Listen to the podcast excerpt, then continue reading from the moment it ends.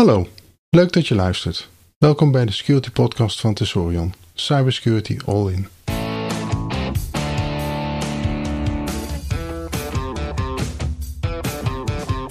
Dit is aflevering 39, opgenomen op 23 april 2020, Corona-apps.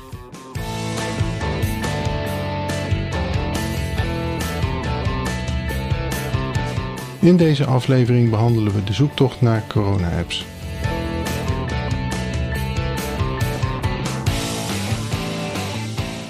Ik ben Lex Borger en dit is een solo podcast. Ja, inmiddels zit de hele wereld uh, in de ban van het coronavirus en de COVID-19 ziekte.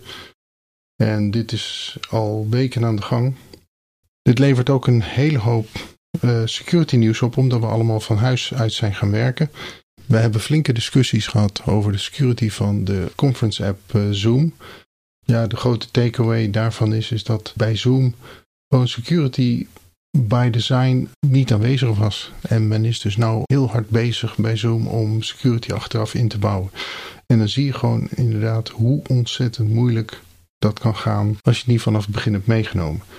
Maar dat is een mooi bruggetje naar wat de overheid heeft uh, proberen te doen afgelopen weekend. Het was het weekend waarin zeven kandidaat-apps voor corona contact tracing werden bekeken. Deze zeven kandidaten zijn voortgekomen uit 750 inzendingen die de Nederlandse overheid had gevraagd. De zeven kandidaten waren grotendeels ook apps die al elders in de wereld ingezet waren. Dat maakt dat ze natuurlijk al een hele hoop ontwerpideeën mee ingenomen hadden. Maar je ziet toch dat gewoon overheden traceren en apps kennelijk geen goede combinatie zijn. Wat je daarin vooral ziet is dat men probeert uiteindelijk altijd een centrale component te hebben, zodat de overheid grip heeft op een aantal zaken. Dat heeft ook uiteindelijk geresulteerd, uh, samengevat, dat de zeven kandidaten die bekeken zijn, niet gekozen zijn. En dat de overheid zich nou weer gaat beraden over wat er dan wel zou moeten gebeuren. Er is heel veel berichtgeving in het nieuws al geweest. Dus ik ga dat in deze podcast niet herkauwen. Ik pak wel een paar dingetjes eruit op. Eén is een artikel uit Economist over een nieuwsfeit wat mij zelf eigenlijk heel erg aanspreekt. En dat is het feit dat Apple en Google samen aan het werken zijn aan ja, eigenlijk de basisinfrastructuur van contact tracing. En dat op korte termijn in te bouwen in de iOS en Android uh, operating systemen. En dat zou gigantisch resultaat hebben. Want daarmee krijg je dus ja, ruim 3 miljard apparaten die ineens ingezet zouden kunnen worden in contact tracing. En de manier waarop ze dat doen is echt in mijn ogen zo privacy-vriendelijk als het maar kan zijn. En daar komen we straks nog wel even op terug wat anderen daarvan vinden. Wat Apple en Google hebben ontworpen is zo privacy-vriendelijk dat misbruik van het systeem vrij moeilijk lijkt. Daar zijn natuurlijk wel wat risico's eh, voor. En daar komen we zo meteen bij andere artikelen nog uitgebreid op uh, terug. Het zwerft allemaal rondom het begrip van oké, als je mensen wilt notificeren dat ze in contact zijn geweest met een corona besmet iemand, hoe gaat dat proces? En dat is uiteindelijk een proces wat Google en Apple niet pakken. Dat zit niet in het fundament, maar daar kun je natuurlijk wel een hele hoop vragen bij stellen. Daarmee worden de risico's die dan nog overblijven heel erg gelimiteerd rondom de individuele telefoons. En dan is de schaal van die uh, risico's is al een heel stuk gereduceerd. En zitten vooral uh, rondom stalking, ja, misbruik en, en persoonlijke verplichtingen. En dat zijn allemaal dingen die we volgens mij als uh, samenleving, zeker in de westerse samenleving, prima kunnen oplossen. En daarbij wil ik ook nog een herinnering geven dat al dat tracing van de overheid waar men zo op focust, in feite al voor een groot deel mogelijk is zonder app. Dat heeft uh, Taiwan laten zien doordat zij de taxichauffeur hebben kunnen vinden die uh, als eerste in, op Taiwan in, in contact was gekomen met een uh, besmet individu uit China. En dat hebben ze gedaan door inderdaad gigantisch uh, inbreuk te doen op de privacy van alle Taiwanese. Door alle telecomverkeer en waarschijnlijk ook heel veel ander internetverkeer te monitoren. Maar het is wel gelukt.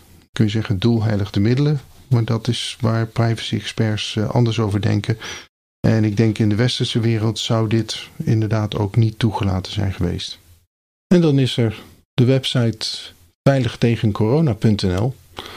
Dat is een heel mooi initiatief van Bits of Freedom. En je ziet naast Bits of Freedom ook een heleboel andere mensen en instituten uit Nederland die bekend zijn uit de privacyhoek. Ik noem een paar Waag, uh, Jaap Henk Hoekman, Brenno de Winter. Die dit initiatief ook ondersteunen. En daar staan ook best wel een paar ja, manifestachtige artikelen op die een goed tegengeluid geven op de werkwijze van, eh, van de overheid. En de entry van 8 april 2020, eh, bescherm onze gezondheid, maar bescherm ook onze rechten. Uh, dat is een heel mooi stukje waarin ze 10 punten geven van waar een corona-app aan zou moeten voldoen om acceptabel te zijn voor de Nederlandse samenleving. En die wilde ik doorlopen. Uh, nummer 1. Eén doel: het onder controle krijgen van het virus. Dat is een hele duidelijke en ook een hele belangrijke. Want daarmee hou je focus op het geheel wat je doet. En doordat je focus houdt, kun je inderdaad de hoeveelheid informatie die je wil bekijken uh, minimaliseren. En kun je ook heel duidelijk formuleren waar het niet voor is. En wat zij zelf in de tekst ook bijvoorbeeld zeggen, is de applicatie mag bijvoorbeeld niet gebruikt worden voor de handhaving van beleid, voor het bepalen of iemand de aanmerking komt voor vergoeding of toegang tot zorg voor commerciële doeleinden. Uh, dit, is, uh, dit is belangrijk. Dit is een fundament in de westerse samenleving. Wat ze uiteindelijk zeggen is: doel zou moeten zijn het onder controle krijgen van het virus. Het RIVM heeft een proces om het virus onder controle te krijgen en dat is contactonderzoek. En deze app zou daarbij moeten helpen. Dit is waar ik een beetje denk dat wij als samenleving een stap laten liggen. We focussen zoveel op het proces van het RIVM, wat met de hand uitgevoerd wordt, en proberen dit te automatiseren met een app. Als je een stap verder doordenkt, dan zou je de app juist kunnen gebruiken om het RIVM al van informatie te voorzien over het aantal contactmomenten in de Nederlandse samenleving. Denk aan een soort eh, business informatie gathering die de apps gewoon collectief kunnen doen. En dit kan compleet anoniem uh, gedaan worden. Daarmee denk ik dat we een kans laten liggen. We hoeven niet per se de app te gebruiken voor contact tracing. We zouden hem ook gewoon puur alleen kunnen gebruiken dat we de overheid helpen goed inzicht te krijgen in het aantal contactmomenten wat we collectief hebben. En dat heeft een aantal voordelen, daar kom ik zo meteen op terug. Gebaseerd op wetenschappelijk inzicht en bewezen effectief. Dat is een punt waar ik echt wat moeite mee heb. We hebben geen ervaring hiermee. We hebben een paar heel andersoortige pandemieën gehad in de afgelopen jaren. Maar als je gaat kijken naar de pandemie die vergelijkbaar is met de corona-uitbraak die meest recent is, dan kom je toch op de Spaanse griepuitbraak van 100 jaar geleden. Dit is een wereld waarin we nauwelijks uh, enige communicatietechniek hadden die vandaag de dag uh, in groot gebruik is. Dit, is. dit is een periode dat de communicatie met telegraaf en radio ging en via de kranten. En als we vandaag de dag kijken, dan gebruiken we hele andere middelen. Wat helpt wel? Als je, dan laten we dan even zeggen van oké, we hebben hier gewoon nog niet genoeg wetenschappelijk inzicht en bewezen effectiviteit. Hoe kunnen we die krijgen? Nou, dan moet je gaan meten. En wederom, dan kom ik op het idee van ja, daar heb je business information voor nodig. De, de meetpunten die maken dat je juist effectiviteit kunt meten.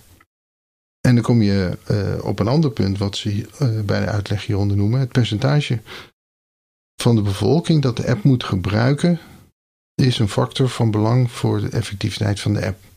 Ja, ook daar weten we het niet. We hebben dit nog nooit geprobeerd. We weten niet hoe bereid Nederland zou zijn. We kunnen wel een aantal uh, gokjes maken. In de community van IJsland was zo'n 40% bereid om de app te installeren. In Singapore kwamen we niet verder dan zo'n uh, 16%. Je moet hier niet het doel te hoog stellen.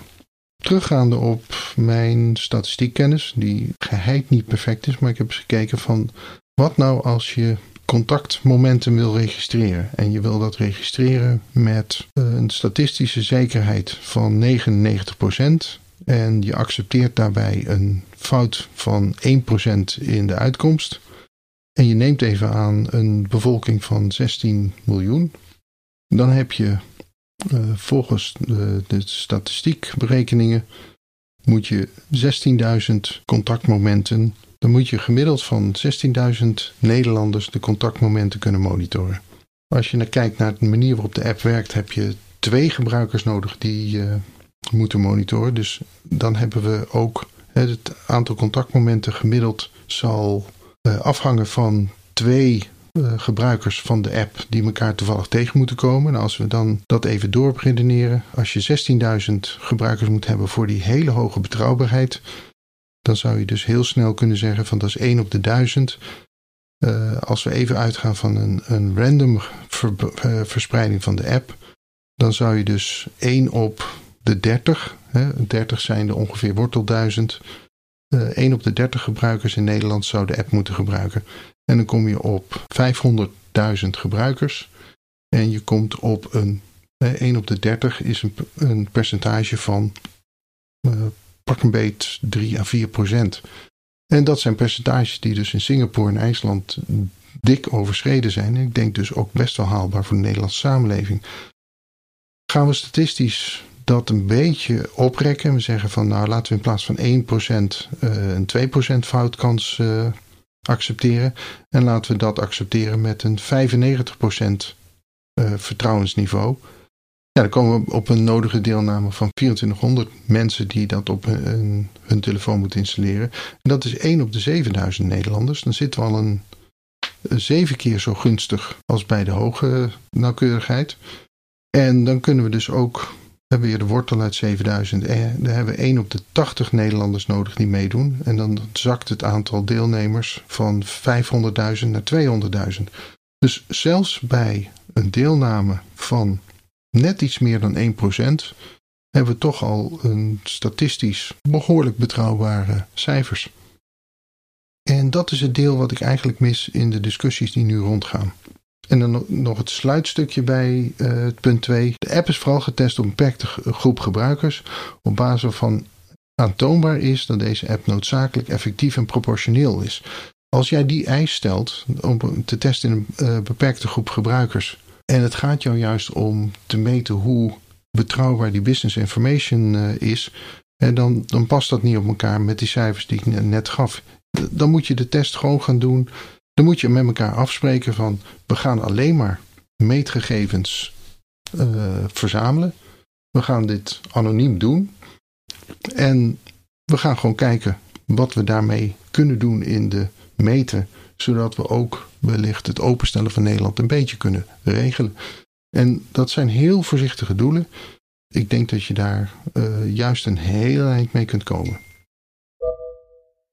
En dan kom je bij punt 3. Bewezen, betrouwbaar en vanuit expertise.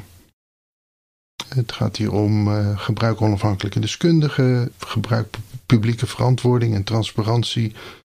Zorg dat je meerdere partijen hebt, zorg dat het allemaal openbaar gaat. Helemaal mee eens, wil ik verder geen woorden aan vuil maken. Inzet van de applicaties per definitie tijdelijk. In principe mee eens. We zitten hier met een hele mooie kans om het fundament wat Apple en Google neerzetten, dat kan wat mij betreft uh, lang blijven bestaan. Maar de app die je er bovenop zet, die kun je per definitie tijdelijk maken. En het mooie is, de app die er bovenop staat, die kan ook gewoon verwijderd worden. Punt 5. Niet tot individuen herleidbaar. Ik pak die even ook samen met punt 7. Geen centraal op geslaagd persoonsgegevens, want ik vind die twee gaan zo ongeveer hand in hand. Het niet tot individu herleidbaar zijn is iets wat Apple en Google heel goed in hun oplossing eh, meegenomen hebben. Door het continu veranderen van de identificatiegegevens van de beacons. Eh, en dat eh, niet te linken en ook niet traceerbaar te maken naar het Bluetooth device adres, maakt dat het ontzettend moeilijk wordt voor iemand om één telefoon te traceren, laat staan grote groepen van telefoons. En tegelijkertijd, hè, dit werkt alleen maar als je ook geen centraal opgeslagen gegevens hebt. Ik denk dat je dat heel ver door moet voeren. Ik denk dat je dus zelfs moet garanderen dat op het moment dat je contact tracing laat doen, dat de contact tracing zelf ook helemaal niet via overheidssystemen loopt. Uh, hooguit een trigger die door de overheid wordt aangemaakt om het proces in gang te zetten. Uh, daarmee dek je het risico in van valse meldingen van mensen die gewoon proberen paniek te zaaien door zelf te kunnen zeggen dat ze COVID besmet zijn. Wat zou je dan wel als centrale overheid mogen verwachten? Nou, ik denk dat het heel goed mogelijk is om bovenop het fundament van Apple en Google dagelijks bijvoorbeeld de app te laten rapporteren van ik heb hier een telefoon. die telefoon heeft gedurende vandaag zoveel contacten, close contacten geregistreerd. eventueel iets opsplitsen naar de sterkte van die contacten. Je zou daarnaast dan nog kunnen zeggen van globaal is deze persoon op deze plaatsen geweest. En je zou wat indicaties kunnen geven van verspreiding van tijden over de dag. Zolang je dit maar doet met een eh, bepaalde statistische uh, drempelwaarde, zodat het niet uh, individueel herleidbaar wordt, is dit prima te doen. Hier hebben we regels voor hoe we dat doen. En zolang dat allemaal maar in de app wordt verwerkt, dan blijft het allemaal anoniem. Ik heb punt 6 overgeslagen. Zo min mogelijk gegevens worden gebruikt. Heb ik het eigenlijk al eerder over gehad. Apple en Google doen dat al. Het is even nog niet duidelijk of zij tijdstippen en locaties vastleggen. Ik denk in de traditie van in ieder geval Apple en privacybescherming dat wellicht deze opties worden uh, samengesteld met een aantal instellingen waarbij je kunt zeggen van nou ja, ik wil wel contacten geteld hebben, maar ik wil van die contacten niet de locaties hebben vastgelegd. Tijdstippen die zitten inherent wel uh, in het uh, systeem opgeslagen, omdat de tijdstippen zijn gelinkt aan het uh, beacon wat geregistreerd wordt. Dus de gebruiker zelf weet altijd wel wat het ongeveer het tijdstip is. Maar ook dit zou je selectief kunnen terugmelden naar de overheid. En natuurlijk alleen maar met expliciete goedkeuring van de gebruiker. Veilig en bestand tegen misbruik. Nou, hier denk ik van als Apple en Google dit infrastructureel goed inbouwen, dan heb je daar al een hele grote voorsprong. Door de app daar bovenop te plaatsen, zou je daar een heleboel uh, extra controleprocessen bovenop kunnen doen. Natuurlijk, fake meldingen zijn hierbij het aandachtspunt. En Terecht wordt ook gezegd, versleuteld of niet, uit de verzending van gegevens is al af te leiden dat de desbetreffende gebruiker mogelijk besmet is. Hier kun je ook wat aan doen door bijvoorbeeld een telefoon alleen maar besmettingen te laten melden op het moment dat uh, hij sowieso contact zou zoeken met het RIVM. En af en toe, eens in de tien dagen, sowieso een fake uh, besmetting te melden. Waarbij versleuteld in het bericht zit: dit is een fake besmetting. Dus het RIVM kan die gewoon weggooien. Maar iemand die puur alleen kijkt naar de verzending van berichten, kan het verschil niet zien tussen een, een fake en een echte besmettingsmelding. Omdat die versleuteld gewoon hetzelfde eruit zien. Dus hier, ook hier zijn mogelijkheden voor. Gebruikersvriendelijk en toegankelijk. Ja, dit hangt helemaal af van wat er gebouwd wordt. Ik denk dat je hierbij moet zeggen van dit is iets wat je absoluut moet willen.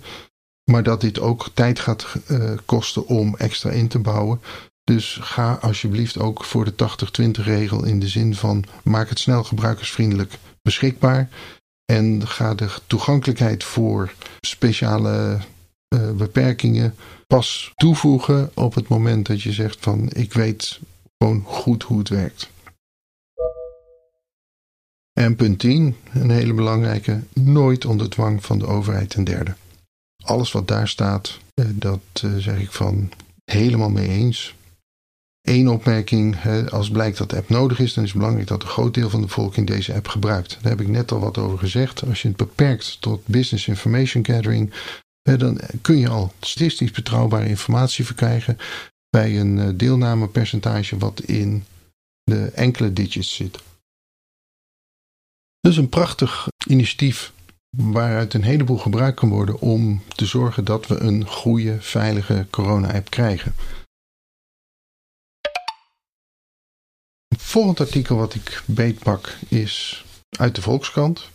Een interview met uh, Lokke Morel. Dat haar man ziek geweest is. Dat zij zelf ook in quarantaine heeft gezet. En het, het interview gaat dus over haar persoonlijke aanraking met de, ziekte. En tegelijkertijd uh, over de app-discussies. Ja, terecht zegt ze dat de, de corona-check, de corona-symptomen-check-app van het uh, OLVG dat is een uh, hele nuttige app.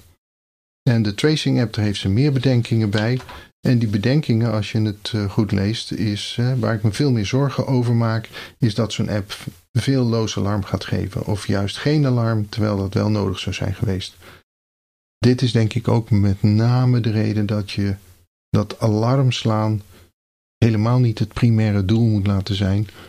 Maar dat je dat als secundair doel moet neerzetten. Laat het primaire doel zeker in de eerste instantie zijn Business Informatics Gathering.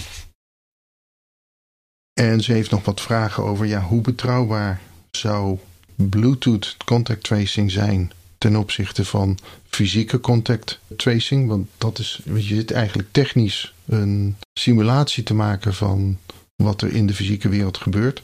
En de techniek en de fysieke wereld zijn toch verschillend qua uh, natuurkundige wetten. Bluetooth signalen werken door muren heen, door glas heen. Je kunt dicht bij elkaar komen, door glas gescheiden. Dus geen contact hebben gehad fysiek, maar wel contact hebben gehad in Bluetooth. Ik denk dat dit randverschijnselen zijn die vooral uh, wegvallen in de onzekerheid op het moment dat je grote aantallen van meetgegevens hebt. En dat zegt ze ook. Eh, de app heeft pas zin als een meerderheid van de bevolking hem installeert. En ik denk dat dat onderwerp juist, hè, als je hem gebruikt voor alleen business informatics, hè, dan is dat percentage wat je nodig hebt is veel lager.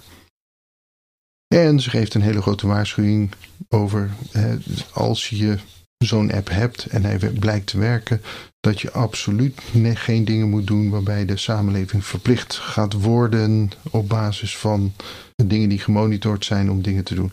Terecht, en dan krijg je dus haar persoonlijke reflectie ze zegt van als ik via de app verteld had gekregen dat ik eh, met een besmet eh, persoon in aanraking was geweest, had ik dat niet zo serieus genomen dan dat ik een telefoontje kreeg waarin juist duidelijk werd gemaakt hoe serieus het was.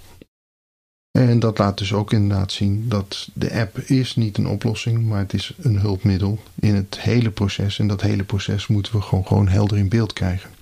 Waar ze mee afsluit ik vrees dat je niet echt achterkomt in één testweekend waarin je blind staat op de app zelf. Het ontwerp van de app is altijd het sluitstuk, niet het uh, startpunt. Ja, zij doelt hier natuurlijk op het hele proces van uh, notificatie. En ik denk van als je de app inderdaad wederom beperkt tot uh, business informatics, dan kun je de app al vroeg meenemen in het ontwerpproces. En dat moet je ook doen, omdat je beveiliging van die app ook zo vroeg mogelijk moet oppakken.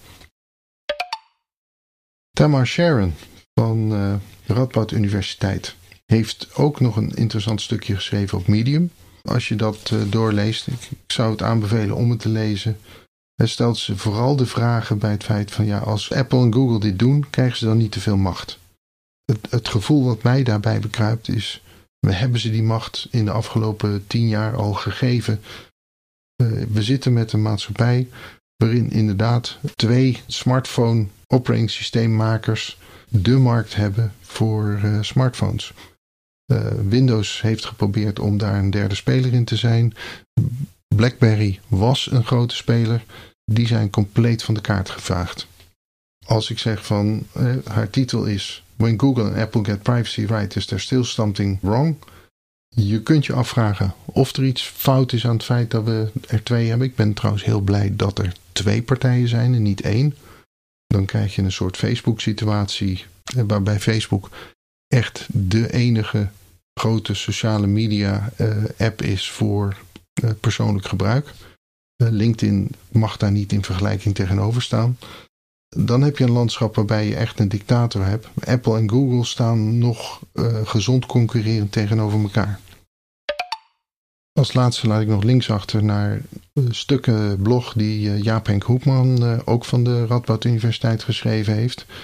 Oh, dat zijn goed kritische tegengeluiden tegen het Apple en Google tracing platform. Hij is pertinent tegen en geeft een aantal redenen waarom. Ik denk dat dat allemaal wel meevalt en ik heb kort gezegd waarom. Uh, dit voegt aan de discussie op dit moment weinig uh, toe. Er zitten een hele hoop aannames in en we moeten maar even kijken hoe die aannames uiteindelijk ingevuld worden. En het is natuurlijk wel goed, denk ik, als Apple en Google deze stukken zouden lezen, want het zou hun ontwerp en hun implementatie alleen maar uh, sterker maken. Samenvattend hoop ik dat ik een klein element heb kunnen toevoegen aan de discussie, uh, waar heel veel mensen heel hard over meedenken. Ik ben daar enthousiast over. Maar de business informatics uh, aanpak voor de app als eerste stap is denk ik cruciaal om te doen. Het levert een hele hoop meetgegevens op. Het levert ons ervaring op. En het levert ons dus als samenleving een fundament op waarmee we verder zouden kunnen bouwen en kunnen zeggen van oké, nou kunnen we contact tracing ook werkelijk goed uitrollen. Wellicht hebben we dat niet nodig, wellicht duurt het een heel jaar om daar te komen. Dat zij dan zo. En dan zit hierbij deze aflevering erop. Ik wil graag jou, de luisteraar, bedanken dat je de podcast beluisterd hebt. Mocht je willen reageren naar aanleiding van deze aflevering, stuur mij dan een bericht. Mijn e-mailadres is lex.borger.tesorion.nl